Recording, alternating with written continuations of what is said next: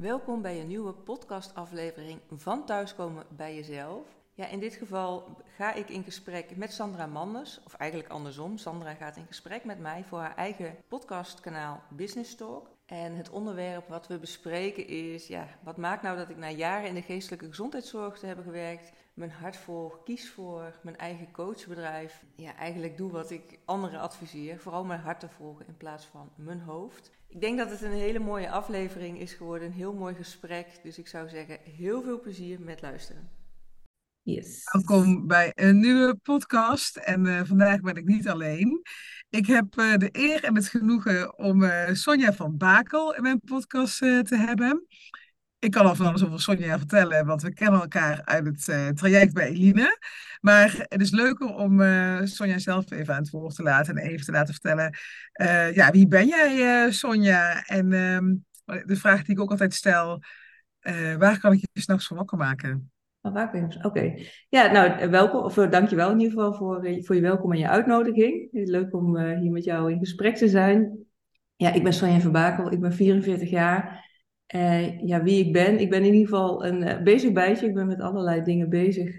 voor mijn eigen praktijk, maar ook om mijn leven zo in te richten dat ik er heel blij van word. Even ja, los van wat ik eerder deed binnen de geestelijke gezondheidszorg. Maar daar zullen we het zo over hebben. En ik hou veel van buiten zijn, van persoonlijke ontwikkeling, van tijd met mijn man samen hebben. En dat is echt wel uh, iets waar ik nu ook echt de tijd voor heb. En waar je me s'nachts voor wakker kan maken. Ja, ik, ik denk dan gelijk aan eten en dat is aan stoofvlees. stoofvlees? Hele goede stoofvlees. Uh, Sonja, even tegen check. Jij komt niet toevallig uit Limburg of zo, toch? Nee. Ja, want in Limburg hebben we heel goed stoofvlees. Hè? Oh, ja. ja. Heb je het wel eens gehad? Nee, niet als ik, ja, nee, niet dat ik weet. Nee. Oh, ik, dan, ga ik even daar een notitie van maken en dan ga ik zorgen dat jij een keer uh, zoervlees. Uh, oh, nou, heerlijk. Ja. En dat, wat dat is eten. Ik hou echt van lekker eten. Als je het dan hebt over uh, wie ik ben, zeg maar. Dan kan ik echt genieten om met vrienden met een goed glas wijn en lekker eten samen te zijn. maar ik hou ook heel erg van een, een goed, warm, diepgaand gesprek. En daar mag je hem ook zeker voor wakker maken. Ja. Mooi. Dat is combinatie wel, met stoofvlees. Ja, een goed gesprek met stoofvlees, dat zou echt helemaal top zijn. En wat ik, wat ik ook um, uh, heel typisch vind, Sonja, is dat ik heb dit antwoord één keer eerder gekregen. En dat was van uh, ook iemand uit de groep van Eline, en dat is Chantine. Oh. ook van, uh, je kan me wakker maken voor een goed gesprek. Oh. En dat ik echt dacht, wakker maken. ik moet er echt aan denken. Oh, Hou een gesprek, maar als ik slaap en dan wakker word om dan een goed gesprek te voeren, vind ik uitdagend. Dus misschien kun je elkaar opzoeken hierin. Nou, dat, dat je... misschien. Ja. Nou, ga ik wel belletje lellen bij jullie. We gaan binnenkort op ik kan het woord niet uitspreken, retreat, voor degene die denken aan Portugal. Uh, maar dan mag ik jullie wel wakker en jullie lekker met elkaar in gesprek. Ik denk dat ja, daarna weer naar bed. Ga even lekker slapen. Maar um, ja, leuk, leuk, uh, ja. leuk. Ja, dat zegt ook gelijk heel veel um, over, over wie jij bent. En ik heb jou uitgenodigd in deze podcast. Uh, oorspronkelijk hadden we een ander uh, thema en gedacht waar we het over gingen hebben. Maar er is iets aan jou wat mij enorm fascineert. dat komt ook omdat ik zelf um, um, ja, voor het eerst in mijn leven in aanraking ben gekomen met, ja, waar we het over gaan hebben, de geestelijke gezondheidszorg. Jij hebt daar gewerkt in deze branche en je bent daar dus uitgestapt. En ik ben daar heel erg nieuwsgierig naar waarom dat zo is. Zou je dat uh, met ons willen delen? Zeker, dat wil ik zeker delen. Um, ik heb twintig jaar om en nabij in de geestelijke gezondheidszorg gewerkt. Gestart als verpleegkundige, psychiatrisch verpleegkundige en later als sociaal-psychiatrisch verpleegkundige. Dat is dan nog weer een nou ja, gespecialiseerde opleiding. Um, jaren in de verslavingszorg gewerkt, maar ook de laatste jaren binnen Defensie ook als actief dienend militair en dan bij de militaire geestelijke gezondheidszorg. En ik heb dat eigenlijk altijd heel, met heel veel ja, een goed gevoel gedaan. Ik voelde me ook um, van betekenis voor anderen en ook wel vervulling in mijn werk. Maar ook op een gegeven moment uh, kwamen er in mijn directe omgeving vier mensen te overlijden, een jaar of drie, vier terug. Twee familieleden en twee mensen waar, die cliënt bij mij waren. En uh, waarvan één met een suïcide, dus met een zelfdoding. In een tijdsbestek van zes weken was dat. Dus dan, ja, het hoor je wel vaker, dat er dan iets gebeurt in iemands leven, waardoor je alles even in een ander perspectief gaat zien. In ieder geval even echt goed gaat onderzoeken. Dat geldt, gold in ieder geval voor mij, van wat wil ik nou echt met mijn leven. En toen ben ik eigenlijk ook met een persoonlijke ontwikkelreis begonnen om dat nou ja, goed aan te, aan, uit te zoeken voor mezelf. En toen merkte ik wel van, ja, binnen de geestelijke gezondheidszorg is niet een plek waar ik wil blijven. En dat had ook verschillende redenen. Eén was dat ik daar mensen tegenkwam waarvan ik dacht, ja, je hebt inderdaad lichamelijke en fysieke klachten uh, die je, ja, hè, waar je mee aan de slag moet. Maar als je eerder je hart zou volgen in plaats van je hoofd en alle ballen maar probeert hoog te houden en uh, ja, je, je, leven leidt naar de regeltjes van de maatschappij in plaats van naar wat het beste bij jou past, dan zou je hier niet terecht zijn gekomen. Dus dat want is... Je, voor mijn beeld, hè? Want uh, je, je, je werkt dan bij Defensie en wat, waar, waar help je mensen op, uh, op dat gebied mee? Komen getraumatiseerde mensen bij je? Hoe, hoe het ja. Nou, ik zeg altijd, elke militair kan natuurlijk krijgen wat je buurman en buurvrouw kan krijgen, of jezelf. We zijn allemaal mensen en natuurlijk trauma komt ook wel veel voor, want ja, dat is ook een doelgroep die met een hoog risicoberoep is, zeg maar, met uitzendingen ook te maken heeft, waardoor dat ja, vaker voor kan komen. Maar ook mensen met depressie, angstklachten, paniekklachten, um, ja, vastlopen in het leven op verschillende vlakken gewoon en daar dusdanig in vastlopen dat er mentale klachten ontstaan en soms dan ook weer fysieke klachten daaraan verbonden zijn.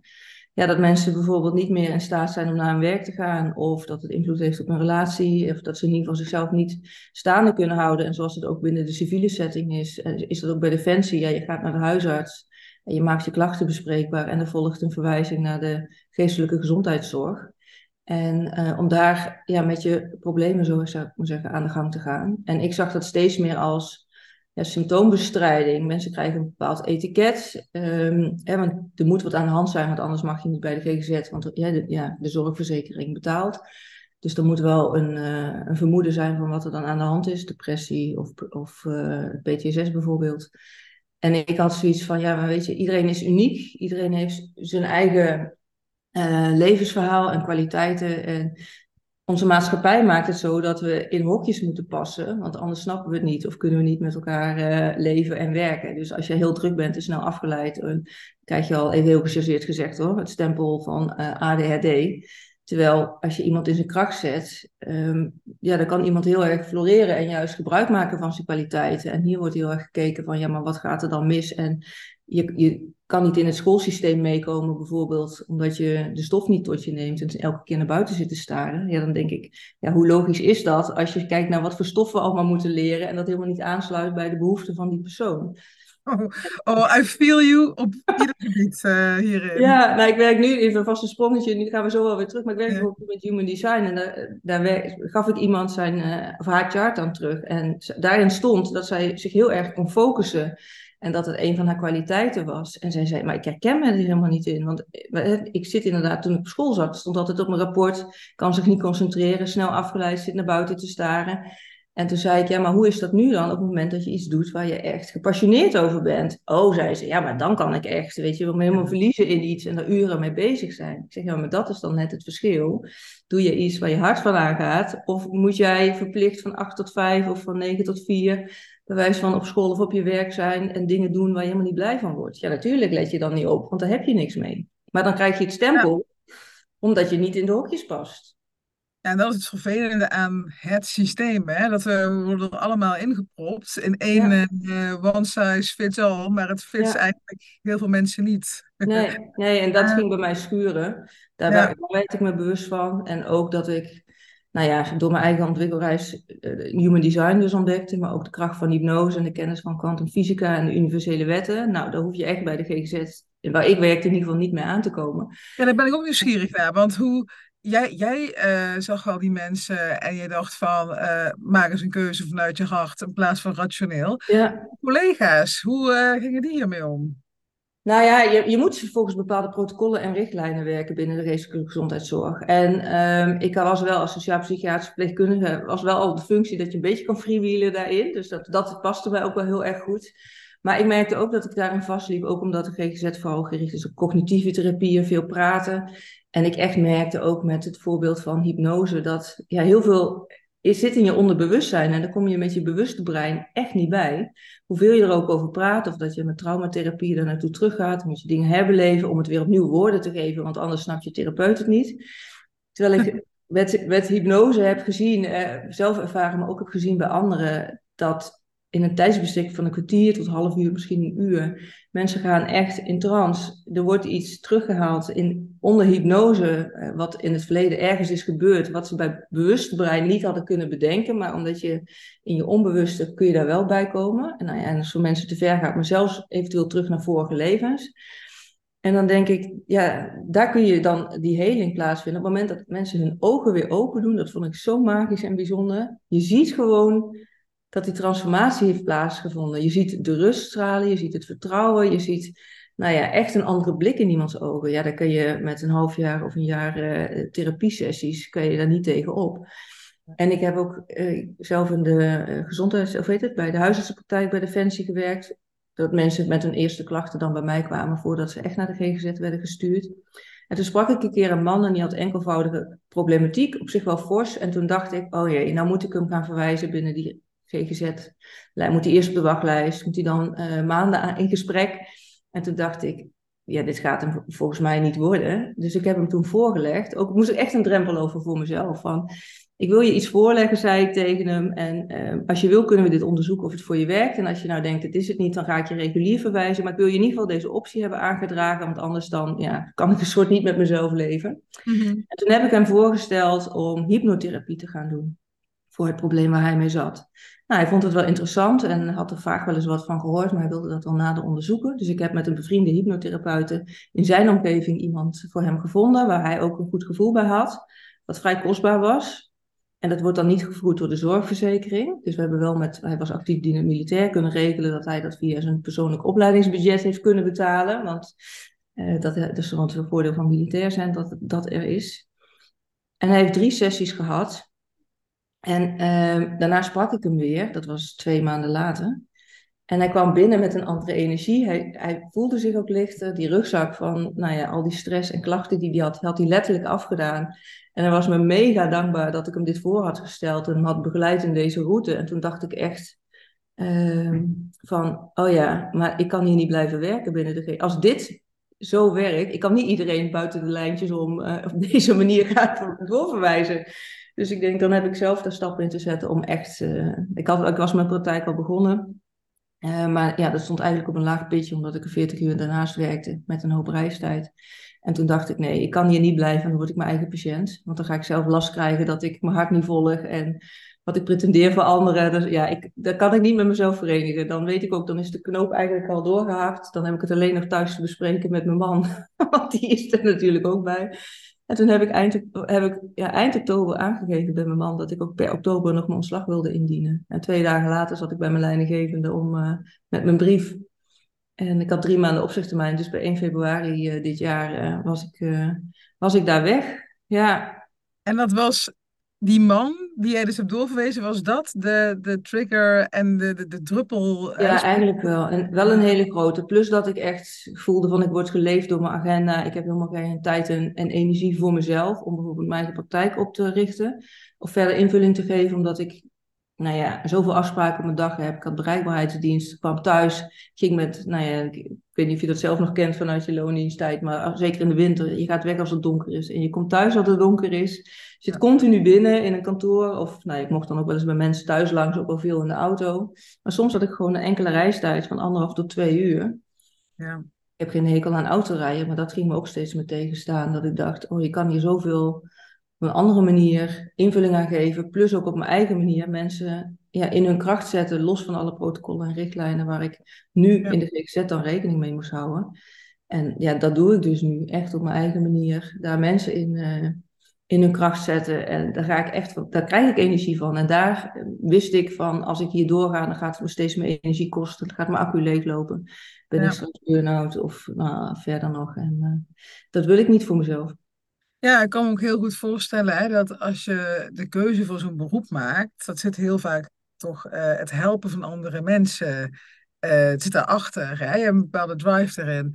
En um, ja, wat ik dus nu ook heel veel zie, waar jij het ook al over had, wachttijden.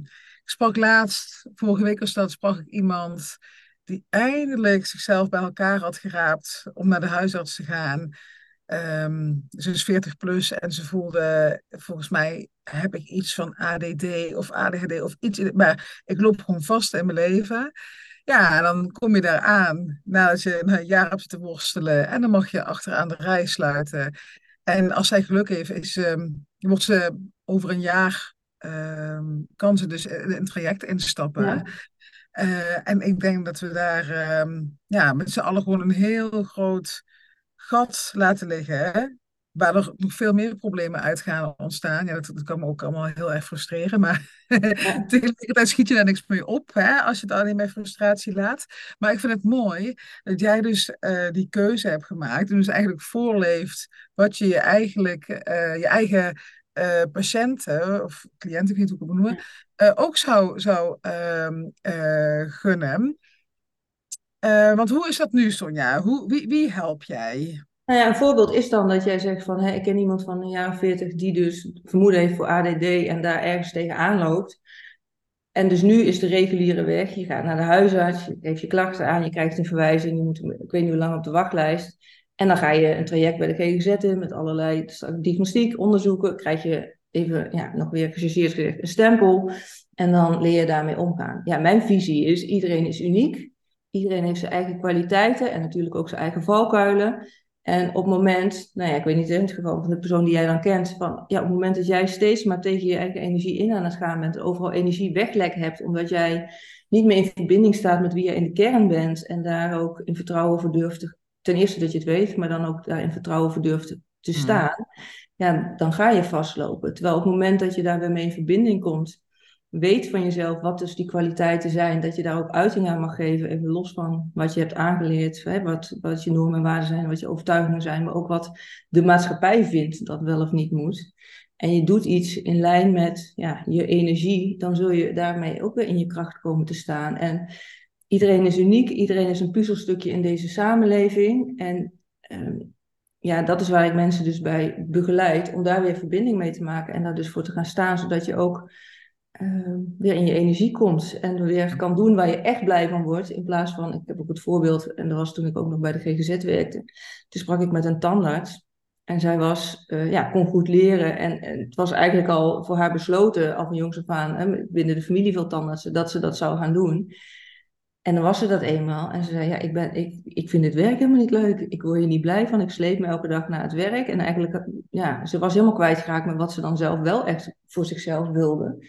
En op het moment dat je daar echt weer mee in contact kan komen en daar ook voor durft te gaan, ja, dan zul je zien dat je energie weer gaat stromen gewoon. En dat je, eh, dat je geen klachten hebt of geen, uh, niet vastloopt in het leven, maar dat je het kan inzetten als iets wat een kwaliteit van jou is. Ja, 100%, dat ben ik helemaal met je eens. En, en gelijk ook een vraag uh, van mij naar jou, Sonja. Van waarom vinden we het dan met z'n allen toch zo moeilijk om naar het hart te luisteren? En waarom nemen we al die beslissingen maar uit ons hoofd. Omdat we daarmee opgegroeid worden in de maatschappij. Ik weet niet, heb jij geleerd om keuzes met je hart te maken? Nee, nee, nee, nee natuurlijk niet. Nee, nee, nee, Ik snap helemaal wat je bedoelt, maar ik... Um, um, want als we meer uh, op ons gevoel zouden afgaan, dan durf ik te wedden dat 90% van de mensen een andere keuze zouden maken. Ja. En uh, er wordt ook altijd gezegd, luister naar je hart. Weet je, ja. Als je een keuze maakt, luister maar. Uh, uh, ik had laatst iemand uh, die sprak, die zat tegen een scheiding aan te hikken. Ik zei, nou luister maar gewoon naar je gevoel, weet je wel. Wat mm. wil je nou zelf? En dat zeggen we allemaal. Ja. En tussentijd neemt de raad het over. Ja, nou ja, wat we als mensen zijn natuurlijk, ons over, systeem is om te overleven. Dus we willen ja. onszelf behoeden, heel onbewust, maar ook bewust, van pijn en van afwijzing en van het risico alleen te komen staan. Want op het moment dat jij voor jezelf gaat staan en echt voor jezelf kiest, vaak krijg je daar een oordeel van van de anderen. Dat begint al als we heel klein zijn. Ja, als jij maar vaak genoeg iets te horen krijgt waar je een afwijzing door voelt of je pijn door voelt, ja, dan ga je je wel vormen aan zeker aan de mensen om je heen, aan de volwassen mensen om je heen, die zeggen hoe het hoort. Mm-hmm. En ja, als je dat maar lang genoeg doet, dan wordt dat jouw waarheid. Ja. En om weer terug te komen bij jezelf, en dat is ook met luisteren naar je hart. Ik werk dan met Human Design.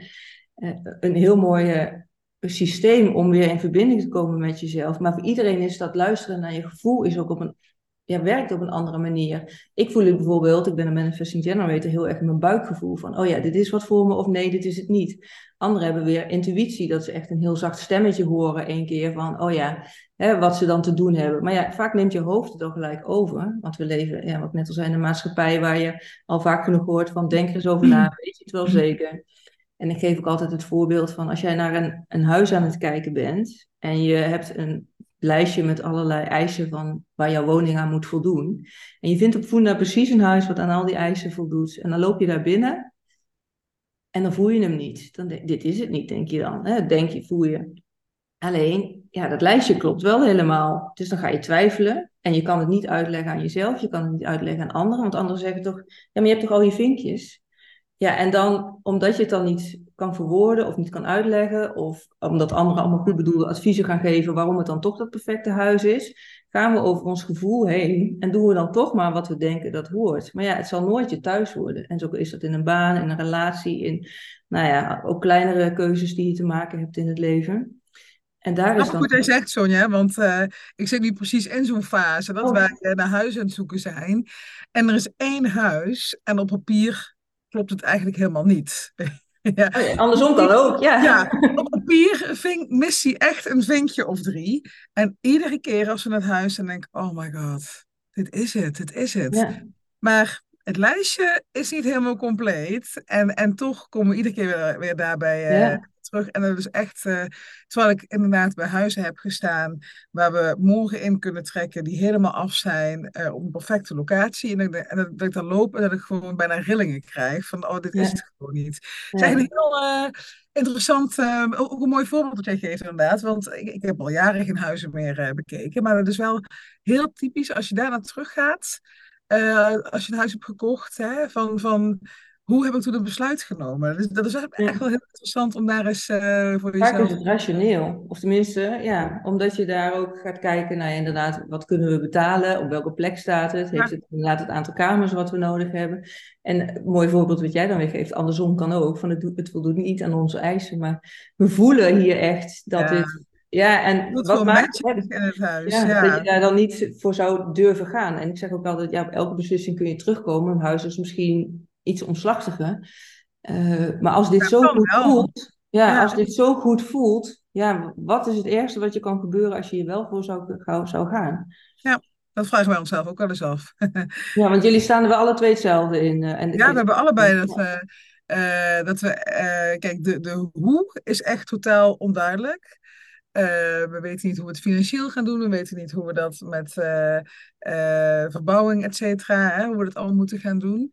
Um, maar we blijven iedere keer magnetisch aangetrokken worden door het huis. En we zitten wel op het punt dat we dat gevoel ook helemaal willen gaan, gaan volgen en ja. stap willen gaan nemen. Hè? Dus dat is, heel, dat is heel interessant inderdaad. Want, en dat vraagt ook moed, hè, dan? Moed met een B dat vraagt dan ook moed om dus de, je hart te gaan volgen. Terwijl er ook rationeel gezien zoveel redenen zijn om het niet te doen. En ik weet niet hoe dan jouw omgeving daarop reageert. Ouders of familie of vrienden die zeggen, oh moet je dat nou wel doen? Of zeggen ze juist schade voor? Of nou ja, dat iedereen vanuit zijn eigen perspectief geeft advies. Maar niemand weet hoe jij je voelt. Hoe je voelt, nee. En dan kun je, kun je inderdaad een, uh, ja, een dwaas voelen van ja, inderdaad, het, het klopt niet met wat ik zeg. Hè. Ik, we willen dit, maar het vinkt niet alle boxjes aan. Uh, we maken het onszelf heel moeilijk, want het wordt een hele ingewikkelde financiële constructie, et cetera, et cetera. Noem het allemaal maar op. En toch, um, ja, iedereen verklaart ons voor gek. Weet je wel. Die aantrekkingskrachten. Toch is die aantrekkingskrachten. En dat vind ik ook grappig, want uh, ik denk een jaar of vier geleden had ik me daardoor laten leiden. Had ik echt gedacht van, oh, andere mensen hebben gelijk. Zij weten iets wat ik niet weet. Uh, ik durf niet op mijn uh, gevoel te vertrouwen. En uh, nu zitten we dus wel in zo'n fase dat we denken van ja, iedereen mag denken dat we helemaal gestoord zijn, maar ja, als het zo blijft voelen, gaan we het wel gewoon doen. Ja. En wat is er bij jou dan veranderd in de, in de, tussen hoe je eerst zou reageren en nu? Ja, ik, ik, ik, was echt de queen van het wandelende hoofd, zeg maar. Ik, ben, ik denk dat ik het uitgevonden heb. Dat alles, dat kom ik altijd terug in, ehm, Uh, ik heb wel eens van die psychologische testen moeten doen voor een baan. Of uh, toen ik de hotelschool ging doen. En dan kwam altijd uit, uh, Sandra beredeneert alles via feitjes. Wil alles beargumenteren van feiten. En daar was ik dan heel trots op. Vond ik, vond ik heel goed voor mezelf. Dat ik ja. rationeel, weldenkend persoon was, weet je wel. Ja. En nu zit we dat nog wel in de weg. Want als ik in de stress schiet... Um, ja, of als ik me onzeker voel, schiet ik naar mijn hoofd. Ja. Terwijl ik weet dat ik gewoon, en dat heb ik ook door human design, daar gaan we het zo even over hebben, uh, ook geleerd, dat ik veel meer op mijn intuïtie nog mag leunen. Uh, want dat, dat geeft me altijd de antwoorden die, ik, die me echt naar een mooier leven brengen. En mijn hoofd, ja, het, het stuurt hier en daarbij. Maar je hebt het af en toe wel nodig. Je hebt het af en toe nodig. Want anders zou ik uh, nou, zo meteen onder een auto liggen als ik de straat ja. oversteek. Dat, dat, dat, dat is, ik kan het niet helemaal uitschakelen. Maar belangrijke keuzes geloof ik toch echt wel, of heb ik inmiddels ook echt ondervonden, heb je gewoon vanuit je hart uh, te maken, hoe moeilijk dat ook is. Um, en, en, en hoe, hoe, hoe tegenstrijdig het soms ook lijkt, of hoe graag eigenlijk. Hè. Je denkt van ja, dat klopt helemaal niet wat, wat, wat, wat je zegt, maar ja, dat is. Ja. Uh, dat nee, is wel... het, klopt, het klopt dan vaak niet met wat je geleerd hebt zoals het hoort. Ja. Vanuit uh, nou ja, hoe je opvoeding is geweest of van wat je hebt meegekregen. En ik weet niet hoe dat in jouw gezin was, maar je zegt van hey, ik heb een goed stel hersens, ik kan goed beredeneren. Dat is, daar, daar was je trots op. Ja, dat is misschien ook iets wat je van je thuis had meegekregen. Dat dat heel erg gewaardeerd werd en, en misschien wel opgehemeld werd. Ja, als je dat maar lang genoeg hoort, dan is dat natuurlijk ook je waarheid. Ja, ja ik denk dat het zo voor, uh, voor heel veel mensen inderdaad uh, geldt. En zo ook voor mij. ja, ja, en, en, en Sonja, want jij, um, ja, we hebben het woord al een paar keer laten vallen, hè, human design. Jij helpt dus, nee, vertel even zelf, hoe help jij mensen? Op welke ja. Nou, human design is gewoon een vast onderdeel in mijn coachtraject. Ik, ik bied losse sessies aan, waar mensen dan een, uh, een persoonlijke, ja, ik zeg altijd gebruiksaanwijzing, je blauwdruk krijgt uitgelegd, met middels een pdf-bestand heel uitgebreid, en dan in een één op één call waarin je dat teruggekoppeld krijgt. Want ja, een koelkast, een oven, uh, alles komt met een mega dikke gebruiksaanwijzing. Maar we worden geboren en we denken dat het er niet is. Maar dat bestaat dus wel middels human design. En dat wordt op basis van je geboortetijd, geboortedatum en geboorteplaats kun je dat uh, berekenen. Gaat nu wat ver om dat helemaal uit te leggen. Er is ook genoeg op te mm. vinden op, uh, uh, op internet. Maar het gaat er in ieder geval om, je hebt dan je eigen blauwdruk. Van wie jij in de kern bent, zonder alle overtuigingen die je in de loop van je leven opdoet. Zonder de normen en waarden, maar echt wie jij in de kern bent. En door daar weer mee in verbinding te komen en te weten wat zijn je kwaliteiten, wat zijn je valkuilen, waar, uh, hoe merk je aan je lijf, waar je energie van krijgt. Hè? Dat je dus weet, oh je mag er meer van doen. Maar ook wat zijn je alarmsignalen, dat je denkt, oh hier moet ik bijsturen, want nu heb ik energie weglek bijvoorbeeld. Ja, en door dat meer te weten van jezelf, kun je daar ook op een heel andere manier bijvoorbeeld beslissingen nemen. En mhm. iedereen heeft daar ook een eigen manier in. En ja, dat leren we allemaal niet op school of, of in de maatschappij. En toen ik mijn eerste keer mijn human design drie jaar geleden uitgelegd kreeg, toen was het zo ja, thuiskomen bij mezelf. Dat is ook een beetje de slogan is dat van mijn uh, bedrijf. Er vielen zoveel stukjes op een plek van dingen die ik terughoorde, dat ik dacht, oh, maar zo zit het dus voor mij. Wat gelijk een toestemming gaf om daar meer mee eh, tot uiting te komen. Wat een, een, heel concreet voorbeeld is, bijvoorbeeld. Vroeger hoorde ik altijd van, ja, niet zoveel dingen tegelijkertijd doen. Maak nou eerst iets af voordat je aan iets nieuws begint. Loop niet in zeven sloten tegelijk. En ik was heel enthousiast over heel veel dingen. En ik kon heel snel schakelen met alles. En dat past ook bij mij, Human Design uh, Chart.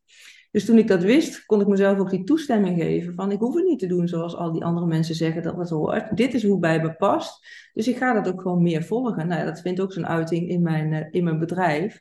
Daar waar ik eerst dacht, ik moet er voor één doelgroep zijn, want anders ben ik er voor niemand. Is ook zo'n overtuiging die ik had. En toen heb ik me uh, echt gericht op mensen die het dertigersdilemma doorleven. Dus een levensfase, crisis, die lijkt op de midlife crisis, maar dan een, een stuk eerder in het leven.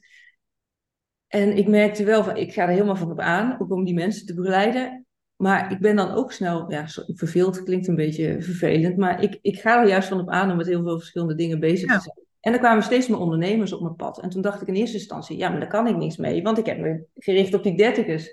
Mensen in een dertigersdilemma. En toen dacht ik, en daar was ik ook met journalen mee bezig uh, geweest en met een hypnosesessie voor mezelf.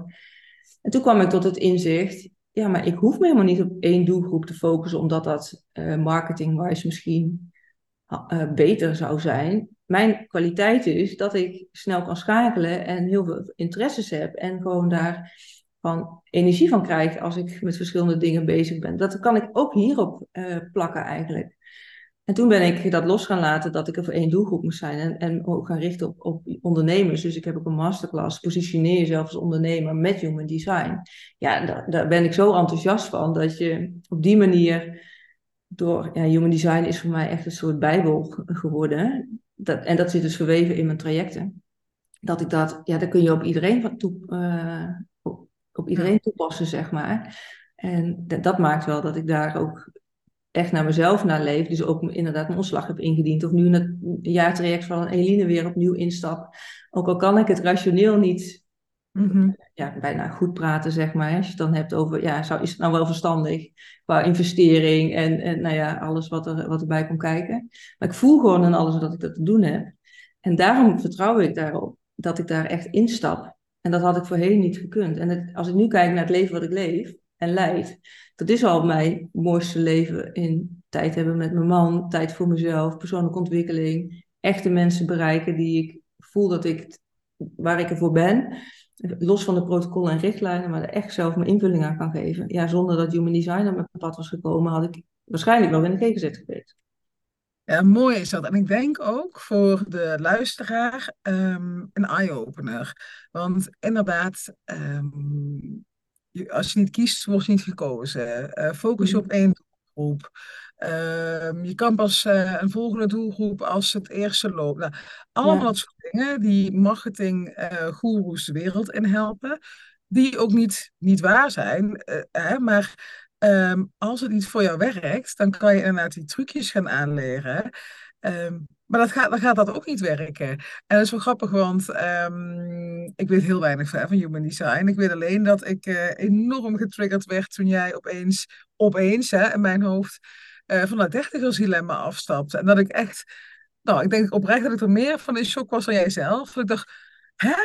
Maar ze is nu helemaal die kant op gegaan en nu gaat ze een andere kant op. En ik had echt een brain error, want ik ben zo'n rigide, rechtlijnig figuur die ja, ik heb A gezegd, dan ga ik ook B, C, D en E doen. Maar dat kan passen bij jouw design. Weet niet, wat is jouw... Ja, projector ben ik. Oké, ja. ja. Ik weet, niet ik weet niet of dat uh, vanuit... Dat is mijn man ook, ja. Ja, ja dat vertelde jij toen ook. Dat jouw man hetzelfde reageerde als ik eigenlijk. Van, wat gaat ze doen?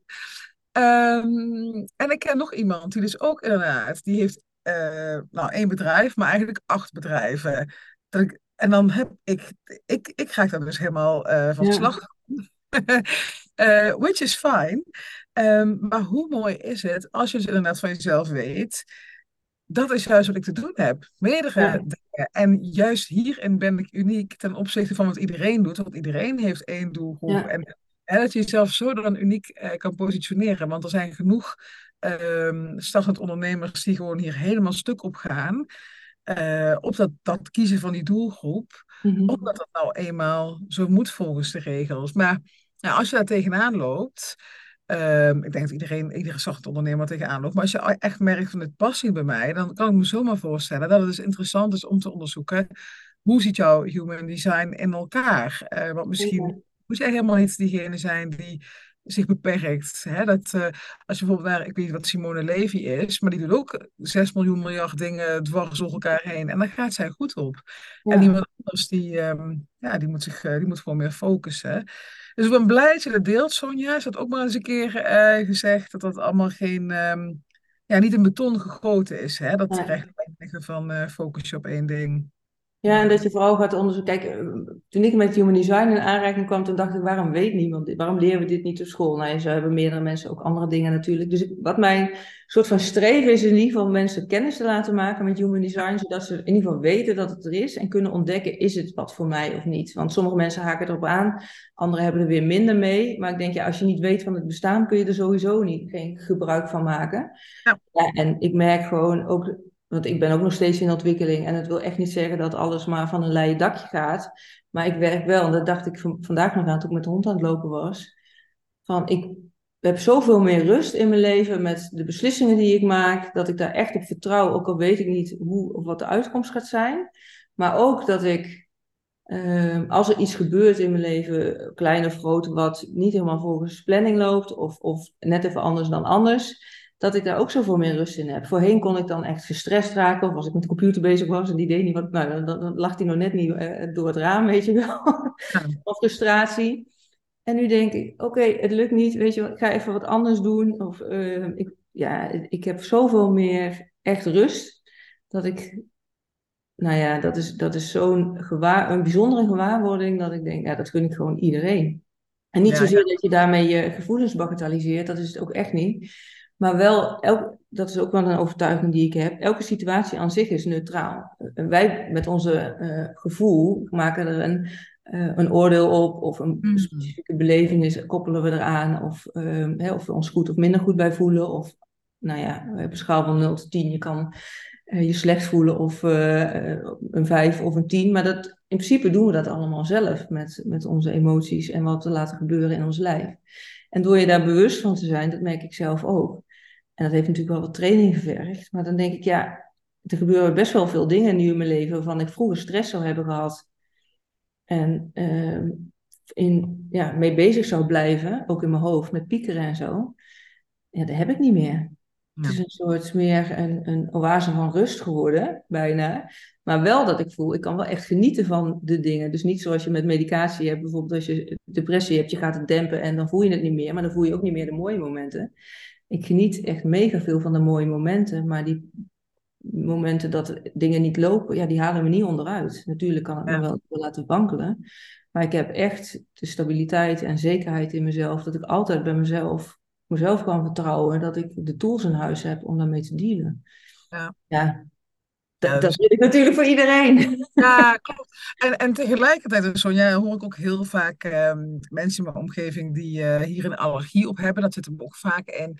Dat uh, je ziet als van die berichten voorbij komen in um, uh, Facebookgroepen voor ondernemers van... wat had ik dan laatst ook weer ergens gelezen? Help, ik ben een, nou noem eens wat, een uh, generator en ik moet gaan lanceren, maar dat past helemaal niet bij mijn design, bladibla. Weet je, dat dingen echt als een excuus uh, uh, worden gebruikt en dat mensen daarom um, vaak daar een allergie op, op hebben zitten. Wat zou je tegen zo iemand willen zeggen die echt allergisch is voor, voor human design verhalen? Nou ja, ik denk als je er niks mee hebt, doe er dan ook vooral niks mee. Niks moet. En als het jou meer stress oplevert, dan leg het naast je neer. Wat ik zelf wel merk is dat mensen soms vaak zeggen: Oh ja, maar dat andere type, daar, daar zit veel meer in wat ik zelf het liefst zou hebben. Ook omdat je nog niet weet wat de kracht is van jouw eigen design. En door er wel steeds meer mee in verbinding te gaan en, en het te onderzoeken voor jezelf, zonder daar te veel een oordeel op te leggen. En dan proberen te beginnen met wat kleinere stappen, zodat je daarop leert vertrouwen. Dan ga je ook merken wat de kracht van jouw persoonlijke design is. En iedereen is een puzzelstukje in het geheel. De een is niet beter of, of meer dan de ander. Iedereen heeft zijn eigen rol. En zonder elkaar kunnen we ook niet, uh, niet verder, zeg maar. Iedereen heeft elkaar nodig.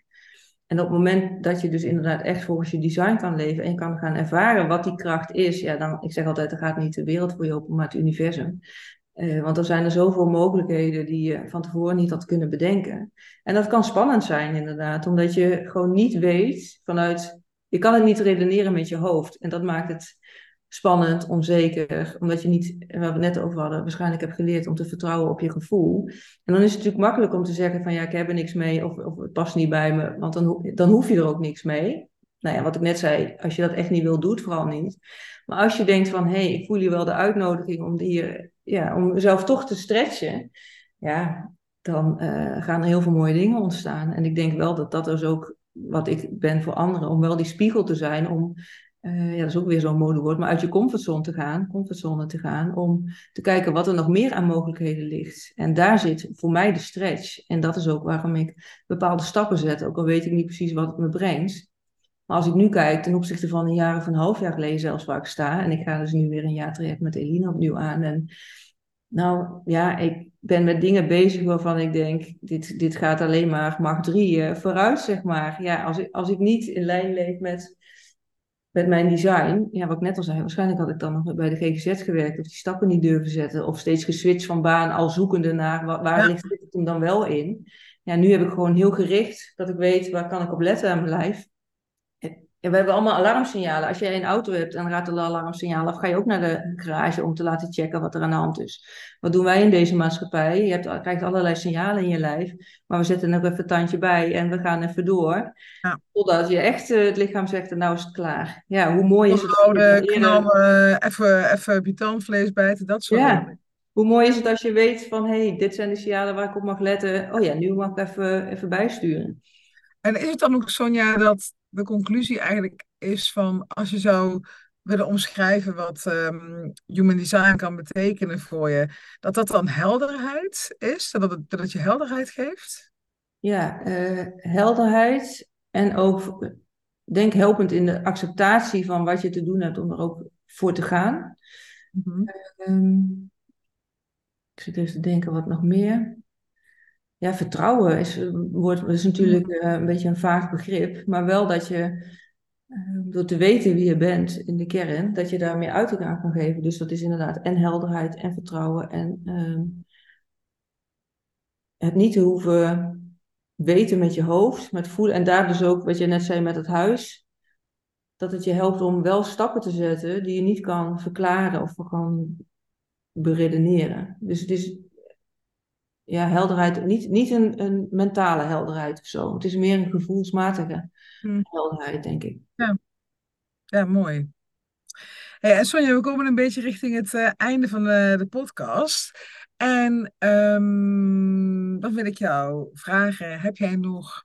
Mijn doelgroep zijn vrouwen hè, die, die uh, in loondienst zitten en die de stap naar ondernemerschap uh, willen gaan zetten. Jij hebt het natuurlijk ook gedaan. Hè? Jij hebt ook je baan uh, bij Defensie achter je gelaten en je bent nu voor jezelf begonnen. En als je daarop terugkijkt, wat zou je dan als tip willen meegeven aan zo'n vrouw die nu nog in een net niet baan zit, uh, of juist helemaal burned out thuis zit en niet meer weet wat ze moet gaan doen? wat zou je zo iemand willen meegeven met de ervaring die jij dus hebt? Ja. Nou, ik denk wel om, om iemand te vinden die jou daarin kan bijstaan, dat je niet alleen die, uh, die ontwikkelreis hoeft door te maken. Want ik had dit misschien ook ergens alleen kunnen bedenken, maar ik had nooit de stappen durven zetten zoals ik ze nu heb kunnen zetten in mijn samenwerking met, in mijn geval dan met Eline. En ja, kijk dus ook dat, dat je iemand vindt waar je echt op een uh, voor jou waardevolle manier mee kan sparren. En dat bedoelt niet dat het iemand moet zijn die zegt wat je moet doen, want waar we het net over hadden, dat weet alleen jijzelf. Alleen je hebt iemand nodig die jou de goede vragen stelt, die echt bij je essentie gaat komen van wat je dan te doen hebt en hoe je daar invulling aan wil geven in, in relatie met je kernwaarden, in relatie met antwoorden voor jou op existentiële levensvragen van wanneer doet het leven er voor jou toe en, en wanneer, wat is, maakt het leven waardevol. Um, en daar dan ook echt invulling aan kan geven. En dat je denkt dat, ja, ga dat niet, blijf dat niet alleen te lang mee worstelen, maar ga er iemand voor vinden die bij je aansluit en Ehm, ja, en neem dan niet alles klakkeloos over aan advies, maar kijk echt hoe je het met jezelf kan doorvoelen, maar wat past dan echt bij jou? En ook al is het spannend of denk je van, ja, maar dit is raar dat ik dit wil, of dit is, eh, dit doet nog niemand. Nee, maar ga er vooral voor staan, want hoe langer jij wacht met, ehm, als ondernemer om ervoor te gaan, hoe langer je andere mensen onthoudt van, om met jou samen te kunnen werken. Dat vind ik ook altijd een mooie. We houden ons altijd heel erg klein of altijd, maar veel mensen houden zich klein uit angst wat de ander ervan vindt of dat het niet gaat lukken. Of... Maar je kan iedereen al meenemen, al is het op je reis en, en al van betekenis voor iemand zijn. En als jij je klein houdt, dan onthoud je dus iemand anders om met jou mee te kunnen liften en weer van jou te kunnen leren. Ja, want teruggaand naar het begin van ons gesprek, stel je voor je had niet de ballen gehad om die man naar die hypnotherapie door te verwijzen. Hoe had zijn leven er dan uitgezien? Ja, daar had ik voor mezelf niet kunnen verkroppen. Nee, dan was hij inderdaad op een wachtlijst terechtgekomen, ellenlange gesprekken, waarbij ik me had afgevraagd of die uh, resultaat zou hebben geboekt op, op optimale manier. Op optimale manier. Ja, en ik denk dat dat is ook is, hè, als, als, nou, als jij nu luistert hè, um, en je voelt van ik heb iets anders te doen in mijn leven, ik weet nog niet hoe, ik weet nog niet uh, met wie, met wat, wat dan ook realiseer je dan, dat zeg ik ook heel veel tegen mijn klanten, als je het niet voor jezelf doet, ga het dan doen voor die klant, hè, voor, die, voor die transformatie zoals jij dat bij die man hebt kunnen brengen. Um, ehm, die op jou zit te wachten. Hè? Want wat jij zegt, je zit inderdaad jezelf tegen te houden, maar nog meer ben je in die tijd niet de mensen aan het helpen die je zou willen helpen. Ja, hou dat dan maar voor ogen. En dat is gelijk een note to myself. Want ik zit zelf ook nu in de, op het wachtbankje. Um, ik ben met iets bezig en uh, waar ik echt wel voor in de actiestand mag komen, maar ik hou mezelf heel erg tegen. Maar hou dan, hè, als je voelt van ik, ik hou mezelf tegen, hou dan voor ogen uh, het resultaat van die, van die klant, um, wat diegene nu misloopt. En probeer dan daar de motivatie maar uit te halen als je, ja, als je het gewoon niet voelt voor jezelf. Ja, en wat ook nog een uh, helpende helpend iets kan zijn, is om zo, ja, voor de mensen in de omgeving, van wie wil jij zijn? Voor de mensen, heb je kinderen bijvoorbeeld? Ja, dan kan je heel vaak zeggen van volg je hart en doe waar je blij van wordt. Maar als ze van jou niet zien dat jij dat zelf doet, ja, kinderen kopiëren niet wat je, wat je zegt, maar die kopiëren wat je doet. Dus als jij of uh, voor andere mensen in je omgeving bij wijze van een voorbeeld wil zijn, ja, misschien dat dat net even dat extra zetje kan zetten om, om nou ja, wel die stap te zetten. Dat je ook het je kinderen gunt of misschien je partner gunt, maar die doet het ook niet. Ja, maar waarom zouden zij het doen als jij het niet doet? Dus ja. Ja, en zo is het Sonja. En ik denk dat het een hele mooie gedachte is um, uh, om mee af te sluiten. Um, als je nu luistert en je denkt, ik wil graag met Sonja in contact komen, Ehm, dat vinden wij leuk. Hè? Je mag ons uh, gewoon een berichtje sturen. Je mag Sonja een berichtje sturen. Je mag mij een berichtje sturen. Ik ga de Instagram van uh, Sonja. En ik geloof dat je zei dat je ook op TikTok zit. Ja. Die ga ik ook even toevoegen in de show notes. Dus als je een van die kanalen, als je die uh, gebruikt, ja, voel je vrij om Sonja te gaan volgen. Of om eens een berichtje te sturen van, goh, ik wil wat meer over weten. Hè? Dat, dat kan gewoon.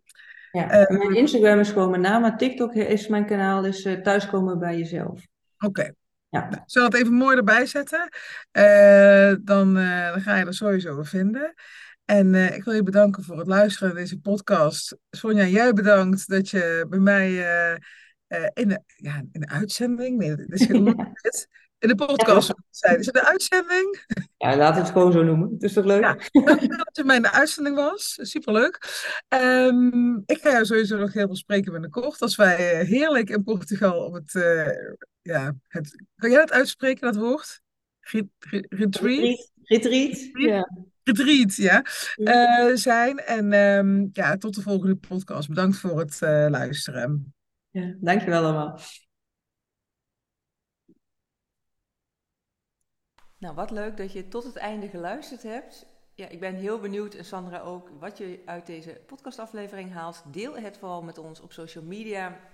Tag ons in een, uh, in een story waarin je een foto deelt van de podcast. Ja, ook ter inspiratie, motivatie en activatie van anderen weer om hun hart te volgen in plaats van hun hoofd. Mocht je meer willen weten over Sandra, ik zal haar gegevens in de eh, show notes zetten en ook haar eigen podcastkanaal. En mocht je meer willen weten over mij, ook dan kan je naar de show notes. Ik kijk er erg naar uit om met je te verbinden, om uh, met je mee te kijken, om te delen in wat jij meemaakt in jouw ervaringen en daarin uh, ja, mijn bijdrage te hebben. Dus mocht je meer van me willen weten, wil je kennis maken, stuur me even een DM op Instagram bijvoorbeeld of mail naar info.sbkl.nl en dan ja, kunnen we onderzoeken en bekijken wat de mogelijkheden voor jou zijn die ik voor jou zie en ook wat van mijn coachprogramma ja, het beste bij jou past. Dus wacht niet te lang, want uh, time flies, ook when you're not having fun. Ja, en ik zou het je zo gunnen dat je nogmaals echt je hart volgt en niet later spijt hebt van de dingen die je niet hebt gedaan. Of dat je later denkt, oh had ik maar bepaalde stappen eerder gezet of überhaupt gezet. En uh, als dat iets is wat je wil voorkomen, nogmaals, neem dan vooral contact met me op. Geheel vrijblijvend. Ik hoor graag van je en ik wens je voor nu een hele fijne dag en een heel mooi leven toe.